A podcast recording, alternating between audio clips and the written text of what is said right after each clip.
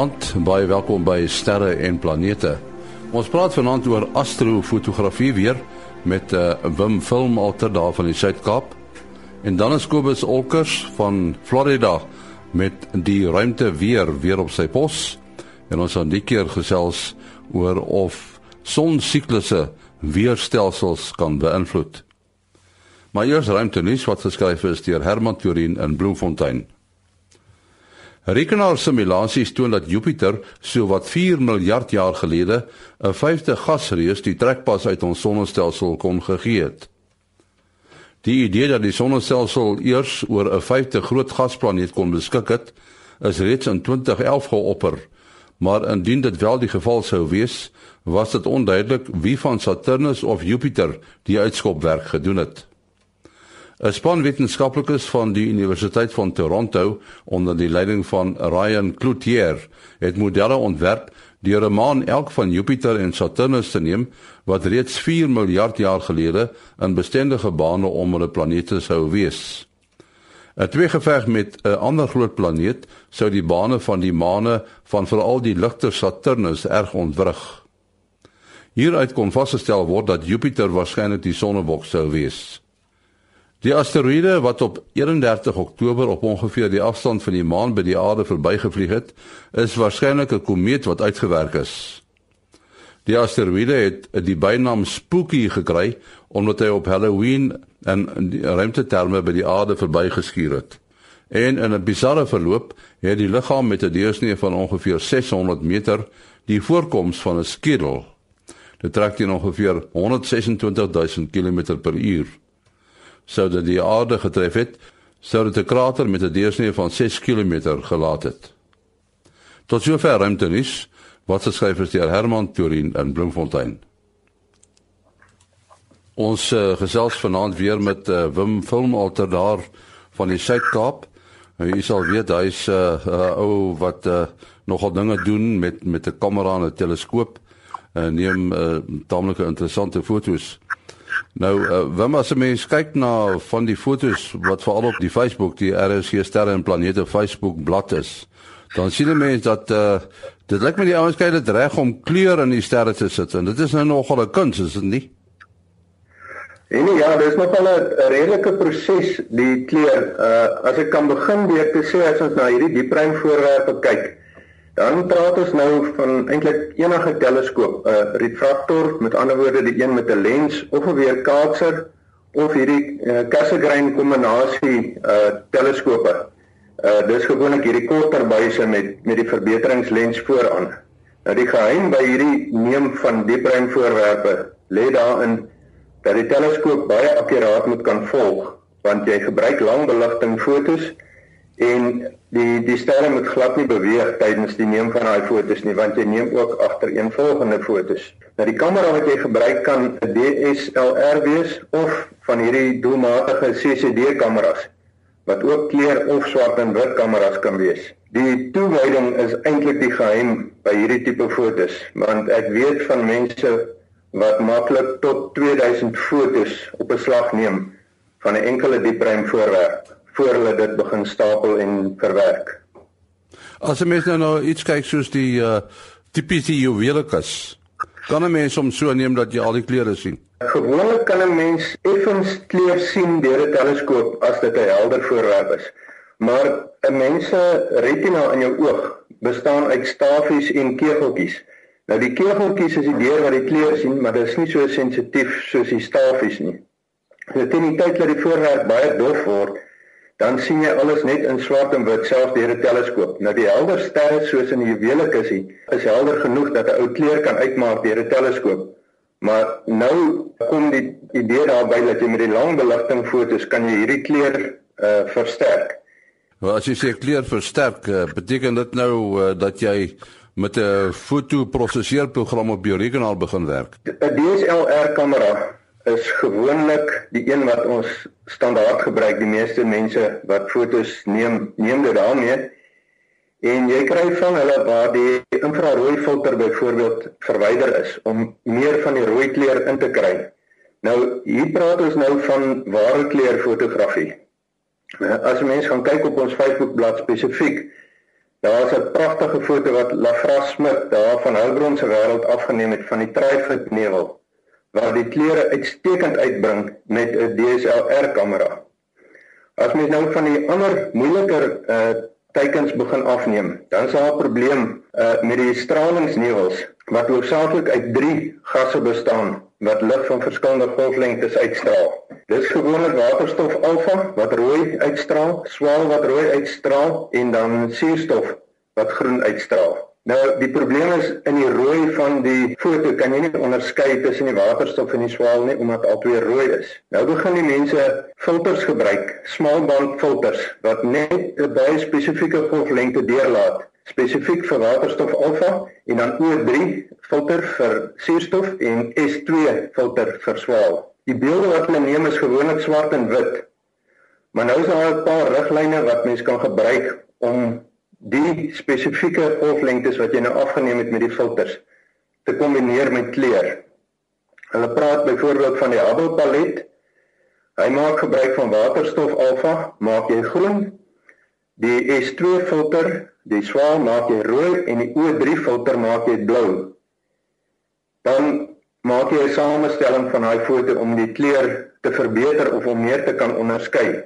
Maar dis nou 'n tipiese valskleur beeld. Dit is nie hoe die ding werklik lyk soos as jy hom net met 'n kamera afneem. Daar's ook 'n ander riglyn of 'n palet. Hulle noem dit die Kanada Frankryk Hawaii teleskoop palet. Hier maak hulle gebruik van waterstof alfa in sy natuurlike kleur as rooi, uh suurstof in sy natuurlike kleur as groen en hulle verander net die swaal en maak hom blou in plaas van sy eie rooi kleur. Dit gee ook 'n vals kleurbeeld. Daar's ook mense wat byvoorbeeld doodgewoon kleurfilters op hulle kamera sit. Hulle neem gewoon die lig wat die standaard een is en dan neem jy dieselfde voorwerp deur 'n rooi, 'n groen en 'n blou filter en kombineer dit op die ount na smaak. Dis seker wat hulle met die Hubble teleskoop ook doen want 'n mens sien daarom die pragtigste kleurfoto's uh, wat die Hubble teleskoop vir ons stuur, né? Nee. Dis. Uh, die Hubble gebruik spesifiek dis waar daai Hubble palet se naam ook vandaan kom. Dis die standaard prosedure of riglyn wat hy gebruik vir die spesifieke golflengtes. As van die luisteraars gaan kyk op die Facebook bladsy, ek het daar foto's opgesit van 'n mooi nevel die Rosette nevel uh wat in Manasseh sit. Daar is fotos, dis van ander mense wat dit geneem het van verskillende plekke, maar daar's 'n ware beeld wat baie rooi is en dan sal tipiese beeld soos wat die Hubble hom sal afneem of volgens die Hubble palet opgemaak en dan sal nog 'n foto wat opgemaak is of saamgestel is met hierdie CHFT se palet wat duidelik die Dit lyk na drie verskillende voorwerpe wat afgeneem is net as gevolg van die kleurkeuses. Ja, dit dit klink vir my of of of hierdie soort fotografie nie vir sissies is nie. Dis toewyding die die manne wat dit doen, ek self is nog nie heeltemal daar nie, maar die manne wat dit doen is regtig toegewyd en hulle spandeer ure en ure uh met die fotografie. Hulle omtrent almal ook op hulle teleskope wat hulle noem hierdie gidse wat outomaties die teleskoop rig. So jy het 'n gidsteleskoop langs jou hoofteleskoop vas wat jy rig op 'n spesifieke helder ster en 'n rekenaarprogram hou hom op daai ster presies vas om seker te maak jou volg bly op spoor dat jy nie van die koers afhang nie. Goed, uh, as mense vra het oor die ingewikkelde onderwerp, uh, wat is jou besonderhede, Wim? My selfoon is 082 909 3956. Sê hom weer. 082 Baie dankie Wim Vilmalter daar in die Suid-Kaap wat gesels het oor uh, ja kleurfotografie as dit uh, by sterre afneem kom. Ons uh, gesels met Kobus Olkers ons sonweervoorspeller. Kobus die ander dag toe daardie orkaan oor Mexiko in beweeg het, toe 'n Amerikaanse weerkundige gesê dit is deels as gevolg van van sonsiklusse dat 'n mens hierdie soort van weerstelsels kry. Uh dit is nogal vir my nuus. Ja, dit moet nie nuus te wees nie. Ons het al 'n keer oor daaroor gesels. Hy is absoluut reg, maar dit is langtermyn sonsiklusse, werklik 'n lang langtermyn. Mense wat my hoor praat het op lesings hier van die vroeë 90's 293 grond het ek al begin sê Die ekstra ehm um, straling wat van die son af kom van 1958 af. 1958 was ons grootste piek wat ons gehad het in die afgelope kom ons sê omtrent 100 jaar of so het ek gesê dit gaan vir ons uh, weer veranderinge gee. En mense sal ook onthou dat ek altyd gepraat het van die van die potjie sous, die dik sous wat 'n mens maak. En ek sal dit net vinnig uh, weer sê sodat 'n mens kan sien waar dit ding eintlik vandaan kom en dit is verskriklik eenvoudig die die konsep daarvan natuurlik die werklike dinamika is is amper onmoontlik om met 'n rekenaar te simuleer. Maar kom ons kom ons sien vir ons 'n potjie baie baie dik sous wat ons maak. En hy is nou so net op of kom ons sê maar 'n potjie, regte ou swart potjie wat daar staan. Uh, ons het dit almal al gedoen en jy het nou 'n lekker dik mengsel daarin. Nou het jy net jou drie stukkies chaka daar onder die potjie en hy uh, maak so elke 30 sekondes dan kom maar so 'n borreltjie op en hy kom altyd op dieselfde plek op. En as 'n mens nou 'n klomp termometers aansteek kan sien, nou sien die die ding is eintlik 'n 'n vaste stelsel want as jy die termometers nou mooi bekyk, jy sien op party plekke gaan hy stadig op en dan weer stadig af en daar waar die borreltjie uitkom, uh verander hy vinnig elke keer as die borreltjie kom. Uh, dit is hoe die aarde se klimaat was. Kom ons sê maar hier in van uh, tot en met die 90s of so. Ons het ons het 'n mooi balans gehad tussen son sonhitte wat inkom en energie wat opgeneem is in die aarde en dan natuurlik kry mens af en toe dan nou nou die goed ek sal net nou oor orkane gesels en dit kom hierby. Nou sit jy net een ekstra koeltjie daaronder of twee ekstra koeltjies wat jy nou pas uit jou uit jou uh, stoof hier eenkant uitgehaal het wat jy waar jy nou die die kolle in die gang hou dan skielik begin hierdie ding borrel. Nou spring hier 'n borrel uit en daar spring 'n borrel uit en op die ander plek spring 'n springe borrel uit. Nou skielik sal ons sien as ons nou ons tel termometers aan sit, dan sal ons sien die temperatuur raak nou heeltemal chaoties en ons sien hier spring 'n ding uit en skielik is daar vreeslik warm op ander plekke waar dit koud was, is dit nou skielik warm. Plekke waar dit warm was, is nou skielik koud en die soort van ding. En dit is wat met die aarde se klimaat aan gebeur het. Die son het hom gedryf en as ons kyk na die geskiedkundige metings wat geneem is ver in die in die ystydperke en dit presies dieselfde ding gebeur oor en oor en oor sonder dat daar enige CO2 drywing was. Uh dis wat nou nie gebeur is om nou terug te kom na die or orkane toe. Ons sê ons het nou in ons model van die potjie het ons nou die een plek gehad waar die waar die hitte altyd ontsnap het en dis nou by die borreltjie. Nou ons mense wat 'n bietjie al van weerkunde gehoor het sal weet dat die funksie van 'n orkaan is is om van soos die Engelse sê excess heat ekstra hitte in die in die oseaan ontslae te raak. Wat gebeur is hy maak die oseaan 'n bietjie warm, die ding raak aan die spin en al die hitte wat in die oseaan is want veral hier in die Golf van Mexiko wat net so 20 myl hier van my af is en aan die ander kant in die Atlantiese Oseaan tussen Afrika en, en Amerika raak daai temperature warmer as bloedtemperatuur in die somer van die see. Daai hitte moet van ontslaag geraak word. Nou uh, maak hy die lug bokant om warm. Die liewe Vader het alles so pragtig ontwerp dat al hierdie hitte word nou omgesit in energie in die orkane en op dié manier is dit soos 'n soos 'n klep wat nou afblaas. Nou is die hitte minder en minder erg. En wat kry ons as ons as ons ekstra hitte in die atmosfeer het natuurlik ons meer orkane kry. 'n orkaan is daar om van die ekstra energie ontslae te raak. So die man is absoluut reg. Maar wat interessant is, ek het net nou die dag gehoor van 'n 'n weerman in Frankryk wat sy wat sy werk verloor het omdat hy durf waag het om teen die teen die huidige uh, mode van van CO2 drywing te praat. Dit is vir my absoluut onverstaanbaar dat die dat die mense hulle simulasies so kan vertrou. Ek het 'n storie oor simulasies, maar hy's nie geskik vir die radio nie. So daar het jy dit.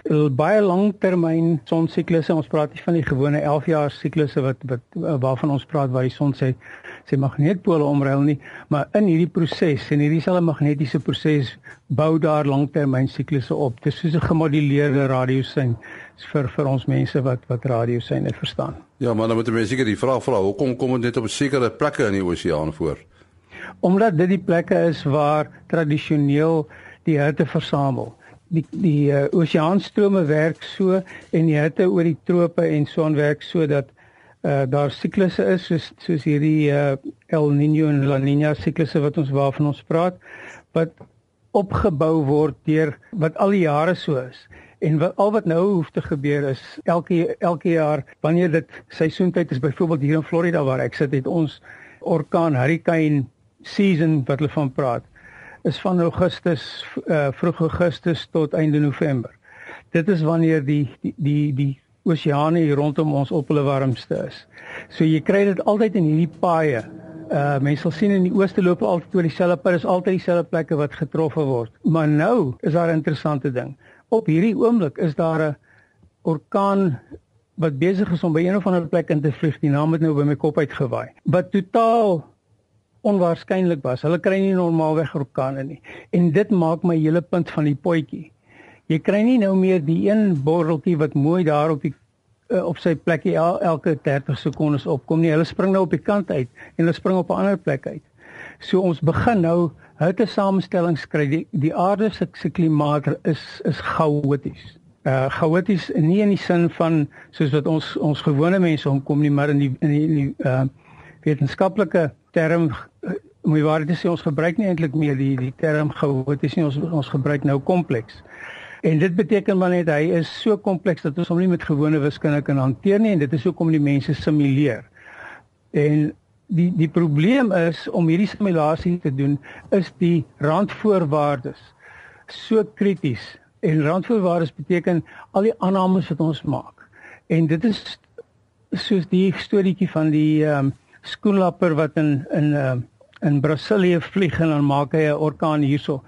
Dit kan letterlik wees dat 'n dingetjie 'n klein stroompie 'n baie klein warrelwindjie veroorsaak op 'n plek wat 'n baie groter enetjie tot gevolg het wat 'n groter ene tot gevolg het en op op 'n stadium kom hy by 'n plek waar 'n stelsel net onstabiel genoeg is dat hy daai laaste warrelwind nodig het om aan die gang te kom. Dit is die die 'n soort van eenvoudige ehm um, verduideliking van hierdie kompleksiteitsteorie. Kobus ons moet afsluit jou uh, besonderhede.